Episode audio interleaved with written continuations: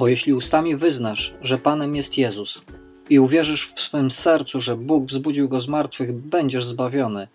Bo wiara płynąca z serca zapewnia sprawiedliwość, a jej wyznanie ustami zapewnia zbawienie.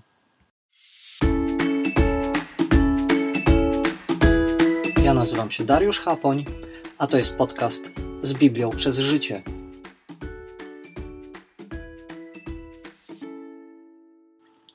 Fragment, którym rozpocząłem dzisiejszy odcinek, pochodzi z listu do Rzymian apostoła Pawła z 10 rozdziału, wersety 9 do 10. Mówi on dosyć wyraźnie o tym, że nie wystarczy po prostu wierzyć gdzieś tam głęboko w sercu, ale że to, w co wierzę, wypływa na zewnątrz mnie. Czy to poprzez to, e, jak mówię, ale przede wszystkim również przez to, jak żyję. I musi to być połączone, integralne ze sobą e, razem, a więc moje życie, moje słowa i moja wiara, którą mam w sercu. Mówię oczywiście nie o jakiejś tam wierze. E, mówię o wierze w Jezusa Chrystusa jako Zbawiciela, i Pana, jako Syna Bożego obiecanego, który przyszedł, umarł i zmartwychwstał e, dla moj, za moje grzechy, dla mojego życia. E, w pierwszym Piotra, e, w liście pierwszym Piotra, trzecim rozdziale czytamy tak: Natomiast Pana, Chrystusa, poświęcajcie w waszych sercach, zawsze gotowi do obrony przed każdym, kto domaga się od was zdania sprawy z nadziei, która jest w was Czyńcie to jednak z łagodnością i bojaźnią, mając dobre sumienie, aby w tym, w czym jesteście oczerniani, zawstydzeni byli ci, którzy znieważają wasze dobre, codzienne życie w Chrystusie.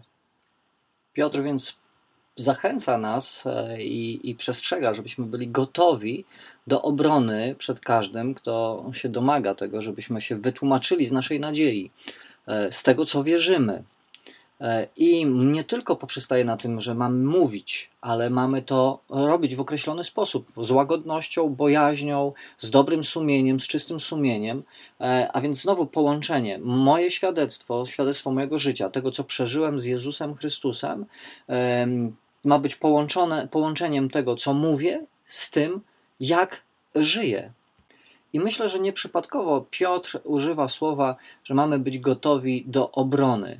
E, mówiąc o świadectwie. E, podobne słowo pada, czy to samo słowo pada, kiedy e, apostoł Paweł mówi swoje świadectwo. Mamy w dziejach apostolskich trzy fragmenty, w których czytamy świadectwo apostoła Pawła. Mamy dziewiąty rozdział, e, wersety od 1 do 9, gdzie jest opis nawrócenia Saula. Mamy fragment z 22 rozdziału, 22 pierwsze wersety oraz z 26 rozdziału dziejów apostolskich, pierwsze 23 wersety. Tam są świadectwa e, nawrócenia apostoła Pawła. One się między sobą troszkę różnią, za chwilę do tego wrócę, ale szczególnie w tym 22 rozdziale, w pierwszym wersecie czytamy tak, kiedy apostoł Paweł rozpoczyna. Mówi, mężowie, bracia i ojcowie, posłuchajcie teraz mojej wobec was obrony. A więc nasze świadectwo, moje świadectwo życia i mowa e, o Jezusie Chrystusie jest swego rodzaju obroną tego, w co wierzę, tego, co doświadczyłem, tego, o czym świadczę. Wspomniałem, że e, te trzy opisy nawrócenia apostoła Pawła mm, między sobą troszkę się różnią, w zależności od tego, do kogo e, apostoł Paweł kieruje swoje słowa. Podobnie, kiedy i my e, opowiadamy, czy ja mam opowiadać swoje świadectwo i opowiadać o Jezusie, o tym, co zrobił w moim życiu, to w zależności od tego, jakie są okoliczności, do kogo to mówię, e, mogę uwypuklać różne szczegóły, różne elementy swojego świadectwa. Ale to, co najważniejsze, to mam być świadkiem, mam być tym, który opowiada nie teorię, nie e, to, co wyczytałem, ale to, co przeżyłem z moim Bogiem, to co e, Jezus Chrystus uczynił dla mnie osobiście. I wtedy mamy do czynienia ze świadectwem. Mamy do czynienia ze świadectwem e, tego, jak Bóg zaingerował w nasze życie, jak przyszedł i je zmienił. E, I to jest takie osobiste spotkanie z Jezusem, które pamięta się przez do końca swoich dni, które pamięta się i które rzutuje na resztę życia. Jest to taki swego rodzaju punkt zwrotny w życiu, od którego wszystko inne bierze swój początek. Za, zaczyna się pewna zmiana. I chciałbym opowiedzieć dzisiaj swoje świadectwo. A muszę zacząć od początku. Najlepiej zaczynać od początku, gdzieś około 12-13 roku życia, a więc wydaje mi się, że dosyć wcześnie. E, w moim życiu pojawiła się fascynacja subkulturą punk. E, zaczęło się od e, muzyki, poprzez stylistykę, a więc te wszystkie dziwne fryzury i dziwne stroje. Były to lata, końcówka lat 80. A potem rozpoczął się jakiś taki, taki proces identyfikacji z grupą z tych starszych kolegów, potem rówieśników, a skończyło się przesiąknięciem ideologią anarchistyczną. Więc jeśli mówimy o jakimś światopoglądzie, to uważałem się za anarchistę, za kogoś, kto buntuje się przeciwko wszystkim autorytetom i zastanemu e, systemowi. E, kiedy rozpoczynałem naukę w liceum e, ekonomicznym, byłem już takim zadeklarowanym z przekonania i z praktyki anarchistą co, co w moim życiu była coraz większa negacja wszelkich autorytetów, od rodziców po nauczycieli, e, po postacie z życia społecznego, polityki czy kultury. Dość powiedzieć, że nawet do liceum poszedłem dla świętego spokoju. Ja chciałem iść do zawodówki, chciałem e, zdobyć zawód piekarza, e, żeby być użyteczny. Mm, natomiast no, wychowawczyni, która przyszła do domu, za którą jestem bardzo wdzięczny dzisiaj e, jej za to. Przyszła i namawiała rodziców, że gdzie może Darek pójdzie do liceum i ja tak trochę krakowskim targiem e, stwierdziłem, no to jak już mam iść do liceum, to niech to będzie liceum ekonomiczne. E, a więc poszedłem tam dla świętego spokoju, a nie dlatego, że chciałem jakoś tam się rozwijać. W rzeczywistości w moim życiu e, dominowało poczucie bezsensu i celu. Sztandarowe hasło ideologii punk, e, no future. Mm, tak wyglądało moje życie. Od jakiegoś koncertu do koncertu, muzyka, koledzy i różne inne rzeczy. A jeśli chodzi o sferę mm, religijną, e, światopoglądową, filozoficzną, to, to, to jakieś teorie próbowałem sobie tam tworzyć. Moje poglądy na życie to był jeden wielki chaos. E, jeśli chodzi o Boga, to chyba byłem agnostykiem. E, chyba tak bym się nazwał i tak się nazywałem, czyli kimś, kto nie wyklucza istnienia e, siły wyższej, jakiegoś Boga. Ale czy można to udowodnić?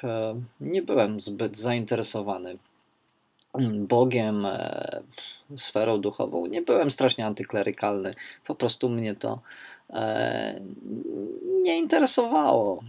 W roku 1993, bo o tym okresie mówimy, e, kiedy mam 18 lat wtedy, kończę 18 lat. Był to okres wakacyjny pomiędzy trzecią a czwartą klasą liceum. Spotkałem ludzi, którzy byli trochę dziwni. Przyjechali do mojego miasteczka, do Międzyrzeca Podlaskiego i grali na mieście przy gitarze, przy jakimś e, organach, e, jakimś keyboardzie, śpiewali o Panu Bogu, opowiadali jakieś świadectwa, potem wieczorem były spotkania, dzisiaj wiem, ewangelizacyjne. E, no i my z grupą naszą, nasz, moich kumpli, z pankową brygadą, postanowiliśmy pójść na jeden wieczór ewangelizacyjny. A motywacja była dosyć ciekawa, bo motywacją było to, że przyjechały te ładne dziewczyny. No i trzeba je zobaczyć. Więc poszedłem na ewangelizację z powodu ładnych dziewczyn. Dziwnie to brzmi dzisiaj. Ale kiedy poszedłem tam raz e, i przyznaję szczerze, że piosenki, które były śpiewane, mm, no nie, do, nie przemawiały do mnie zupełnie, nie ta melodia, a zresztą wydawały mi się teksty bardzo banalne. Mm, natomiast to, co do mnie szczególnie przemawiało, to to, kiedy słuchałem e, tych krótkich opowieści młodych ludzi, słuchałem świadectw i wyglądało na to, że ci ludzie znają Boga. Tak jakby Pan Bóg był realny w ich życiu. E, przemawiały do mnie kazania, słuchałem kazań. I zdałem sobie w pewnym momencie sprawę, że ci ludzie mają coś, czego ja podświadomie ciągle szukam. Że znają odpowiedzi na pytania, które e, ja zadawałem sam sobie, kiedy, kiedy zostawałem sam, kiedy, kiedy e, nie wiedziałem co dalej i, i gdzieś byłem zrozpaczony albo przychodziła e, chwila refleksji. Oni mają odpowiedzi. I tam usłyszałem Ewangelię. Ewangelię o dobrą nowinę o krzyżu, która, który wyraża Bożą miłość, który wyraża Bożą przebaczenie, Boże przebaczenie dla grzesznika. E, I zrozumiałem, jakby dla mnie odpowiedzią Ewangelia, Ewangelia była na to, że ja się nie zgadzałem na, e, na zastany rzeczywistość, na, na to, że pieniądze rządzą ludźmi. Ja tego nie chciałem w swoim życiu. E, wydawało mi się, że pieniądze są wszelkim złem, że politycy są wszelkim złem, i nagle zrozumiałem, że to nie politycy, nie nauczyciele, nie moi rodzice, E, nie pieniądze, nie, nie wszystko inne, jakieś ideologie, ale problemem w moim życiu, w życiu człowieka jest grzech. Mój konkretny grzech, a, a, a przede wszystkim e, jestem grzesznikiem, bo nie żyję z Bogiem bo nie żyję dla Niego. Zostałem tak stworzony, tęsknię za wolnością, miłością, a więc za cechami i, i rzeczami, które On daje, ale nie żyję z nim, nie szukam go.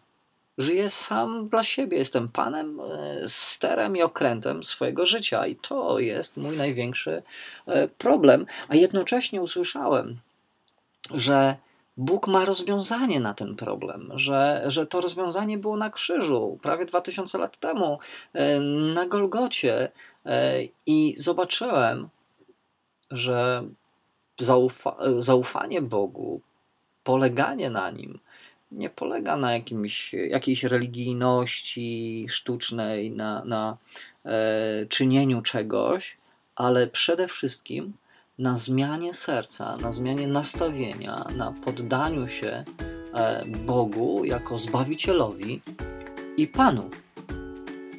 Na tej ewangelizacji, na tych spotkaniach ja nie widziałem cudów może, nie widziałem uzdrowień, E, zresztą tego w ogóle nie szukałem, mm, ale widziałem ludzi, którzy rzeczywiście mieli w sobie miłość, nie tylko mówili o miłości Bożej, ale, ale mieli w sobie miłość e, do Boga i do ludzi, do mnie.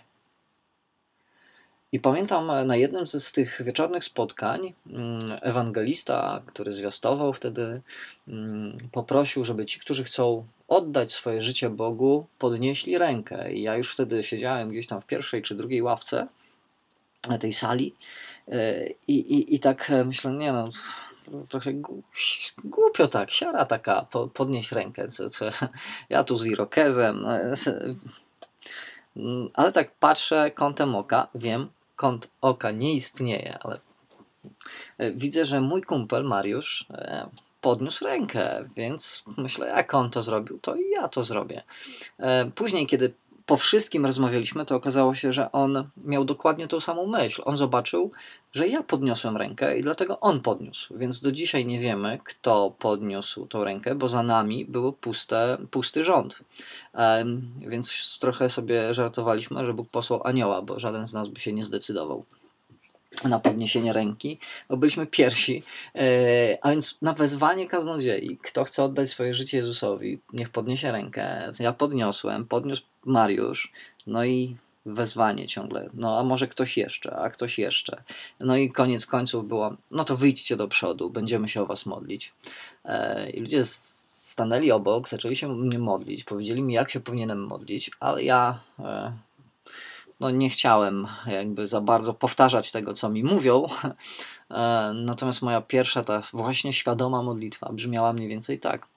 Boże, jeżeli Ty w ogóle jesteś i mi się objawisz, to ja będę Ci służył. To oddam Ci swoje życie. Ale jeśli mi się objawisz. I słuchajcie, na tym spotkaniu nic się nie wydarzyło. Ja, ja nic nie przeżyłem jakiegoś szczególnego. Pamiętam jeszcze, że kiedy e, wychodziliśmy z tego spotkania, były rozdawane nowe testamenty tym, którzy mm, podjęli decyzję pójścia za Chrystusem, a osoba, która to wydawała, e, spojrzała na mnie i mówi: Nie, nie, tobie nie dam, bo i tak się zmarnuje. Więc ja sobie sam wziąłem ze stolika Nowy Testament. E, a co? W końcu podjąłem decyzję za pójścia za Jezusem.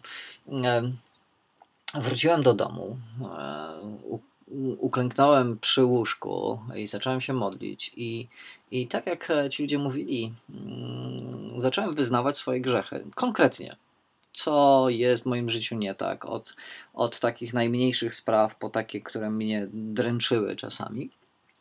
Zacząłem wyznawać to Bogu, prosząc Go o przebaczenie. E, I chcąc i prosząc go o to, żeby moje życie się zmieniło, żebym nie wracał do tego, e, mając świadomość, że on może mi to przebaczyć, ale też dać siły do tego, żeby wieść e, już inne życie. I jakkolwiek to dzisiaj brzmi w Twoich uszach, ja doświadczyłem wtedy Bożej miłości w szczególny sposób Nigdy później już mi się to nie, nie zdarzyło przeżyć w takiej intensywności. W szczególny sposób doświadczyłem, że Bóg był przy mnie i że mnie kocha. Ja, który, jak mi się wydawało, szukam przede wszystkim wolności w swoim życiu, mm, doświadczyłem tej miłości i zdałem sobie sprawę, że to była moja największa potrzeba poczuć, że ktoś mnie kocha bezgranicznie, e, takiego jakim jestem. E, nie chcę potępić, ale chcę przemienić moje życie, dać nową szansę. Pamiętam jeszcze, że e, kiedy się zastanawiałem nad tym, jak ma wyglądać moje życie dalej z Bogiem, to moja anarchistyczna dusza jeszcze wtedy, jeszcze te odruchy były mm, i dobrze, stwierdziłem, że nie mogę czynić autorytetem w swoim życiu e, żadnego człowieka. Nie może to być pastor, nie może to być jakiś ksiądz, e, ale potrzebuję mimo wszystko e, czegoś, na czym będę mógł budować swoje życie, budować swoją wiarę, rozumieć, jaki jest Bóg i go poznawać. I, i odpowiedzią było oczywiście Słowo Boże, oczywiście była Biblia. E, więc postanowiłem, że w moim życiu autorytetem, ostatecznym autorytetem będzie Pismo Święte i zacząłem je czytać. Zacząłem je czytać intensywnie, e, od razu mm, w te wakacje, potem w szkole. E, mm, wypełniało to całe moje dni. Nie oglądałem nawet zero telewizji, zero jakichś tam rzeczy. Po prostu czytałem Boże Słowo, a ono stopniowo przemieniało moje życie. I to to była ta największa zmiana, która dokonywała się w moim sercu. Jako były anarchista, e, zacząłem poddawać się pod władzę króla królów i pana panów. I lektura słowa Bożego zaczęła stopniowo zmieniać moje myślenie, moje patrzenie na siebie samego, na to, co mnie otacza, na to, co jest wokół, yy, zmieniać myślenie na Pana Boga, a potem zaczęło to zmieniać moje nawyki i zmieniać moje życie. Po e, kilku miesiącach, kiedy już byłem w jakiś sposób gotowy mentalnie i duchowo, żeby e, przyjąć cały pakiet Bożego prowadzenia, e, potwierdziłem swoją wiarę chrztem wodnym, chrztem wiary w wieku świadomym poprzez zanurzenie, by w ten sposób okazać posłuszeństwo królowi królów, Panu Jezusowi, by w ten sposób pokazać posłuszeństwo słowom wyrażonym w Biblii. I dzisiaj mija chyba od tamtej chwili za 25, 26 lat. E, I, I kiedy patrzę na swoje życie, tamtą decyzję, to tak jak mówię, była to decyzja, która rzutowała, rzutuje na każdy kolejny mój dzień. To była najważniejsza, najlepsza decyzja, jaką mogłem podjąć jako już dorosły w pierwszych dniach swojego życia. Jestem wdzięczny Bogu za okazaną mi łaskę. Nawet boję się czasem myśleć, jak wyglądałoby moje życie, o ile bym jeszcze żył, gdyby nie Bóg.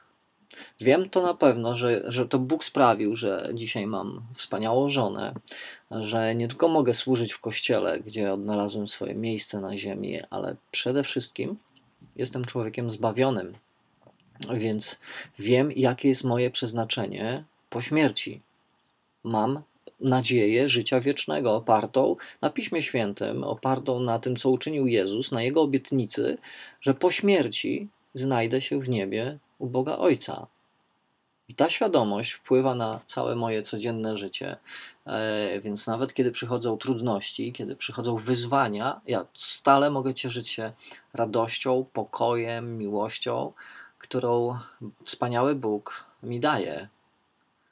Niestraszne są burze, gdy mam takiego wspaniałego e, opiekuna, kto, kogoś, kto tak bardzo mnie kocha, kogoś, kto wyciągnął mnie z grząskiego błota i postawił moje nogi na skalę, kto dał mi nową jakość życia. I tym świadectwem chcę Panu Bogu podziękować. Tym świadectwem chcę Go uwielbić.